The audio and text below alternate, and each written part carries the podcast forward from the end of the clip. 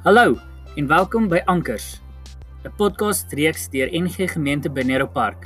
Hier voer ons gesprekke oor Jesus, die Bybel, genade, geloof en hoe ons lewens God eer.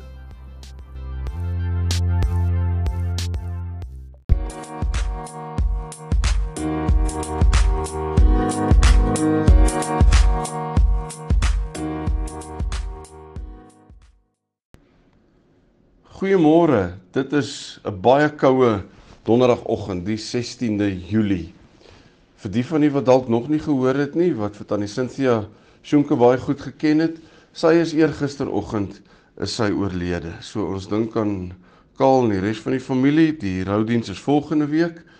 Um dit word uit 'n ander gemeente uitgehou, maar vir die van u wat haar geken het, sal net mooi herinneringe van haar hê, soos wat ek ook van haar het ehm um, altyd opgewonde, nederig en baie lief vir die Here en mense rondom haar. So ons sal nog lank vir haar onthou. So ja, ons dink ook aan haar en die familie en so aan. So ons kan amper met 'n glimlag vir haar onthou. Ons gaan ver oggend lees uit hoofstuk 7 uit. Hoofstuk 7 gaan aan waar hoofstuk 6 geëindig het uit Handelinge uit. Dit het hoof die vorige hoofstuk hoofstuk 6 het geëindig. Julle sal onthou, ons het gister gesê oor hierdie ouens wat saamgespan het teen Stefanus. Um, en hulle het ouens gekry om te jok oor hom om te sê hy het God uh beledig teenoor Moses en selfs teenoor God. Um, so hy's voor die ja, Joodse raad toe gebring en dan gaan hoofstuk uh 7 gaan dan aan en hulle die hoofpriester vra te vir Stefanus is hierdie aanklagte waar en hy het Stefanus toe gesê broers en susters, vaders of eintlik, skus, dit is nie broers en susters nie, broers en vaders, luister na my. Ons glo die ryke God het in Mesopotamië aan voorvader Abraham verskyn voordat hy Haran toe is en dan so gaan hy aan oor die hele geskiedenis van die Ou Testament en hoe ehm um, Jakob getrek het en sy nageslag en hoe hulle in Egipte geëindig het en Moses hulle weer uitgelei het en die 40 jaar wat hulle in die woestyn was om in Jerusalem aan te kom, Israel die beloofde land en so hy vertel 'n hele storie vertel hy en dan in die later so hy gee 'n kort opsomming van die Ou Testament. En dan in vers 51 dan sê hy julle hardkoppiges in julle harte is julle heidens, julle is doof vir die woord van God. Moet julle al ewig die Heilige Gees weerstaan. Maar julle voorouers het dit gedoen en julle doen dit ook nou. En dan gaan hy verder. Hy sê noem een profeet vir wie julle voorouers nie vervolg het nie. Hulle het selfs die dood gemaak wat die koms van die regverdige voorspel het, die Messias wat julle uitgelewer en vermoor het. Julle het bereken die wet van God nie uitgeleef nie, alhoewel julle deur bemiddeling van engele ontvang het.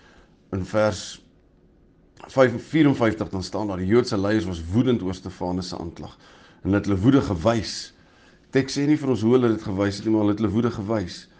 En dan Stefanus, vol van die Heilige Gees, het op aanhou opkyk na die hemel en die heerlikheid van God gesien. Hy het Jesus in die regeerposisie langs God sien staan.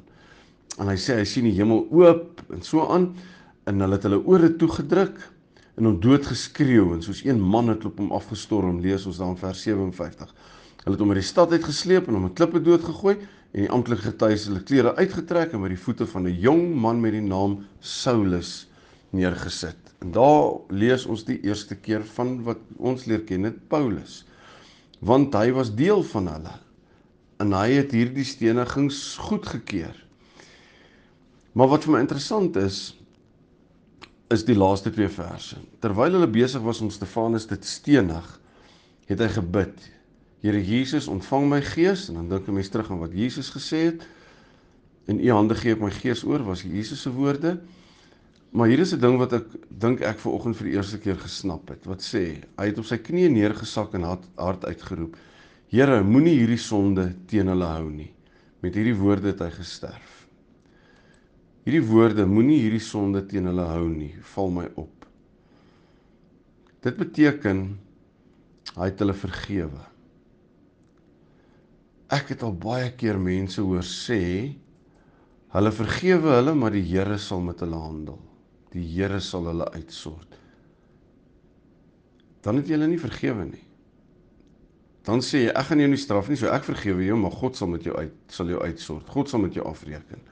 Dan het vergifnis nog nie gebeur nie, want jy wens nog steeds eintlik is dit 'n vloek wat jy oor hierdie persoon uitspreek. Om te sê maar onthou net God slaap nie. Dit het ek ook al gehoor. Dit dan het vergifnis nog nie gebeur nie.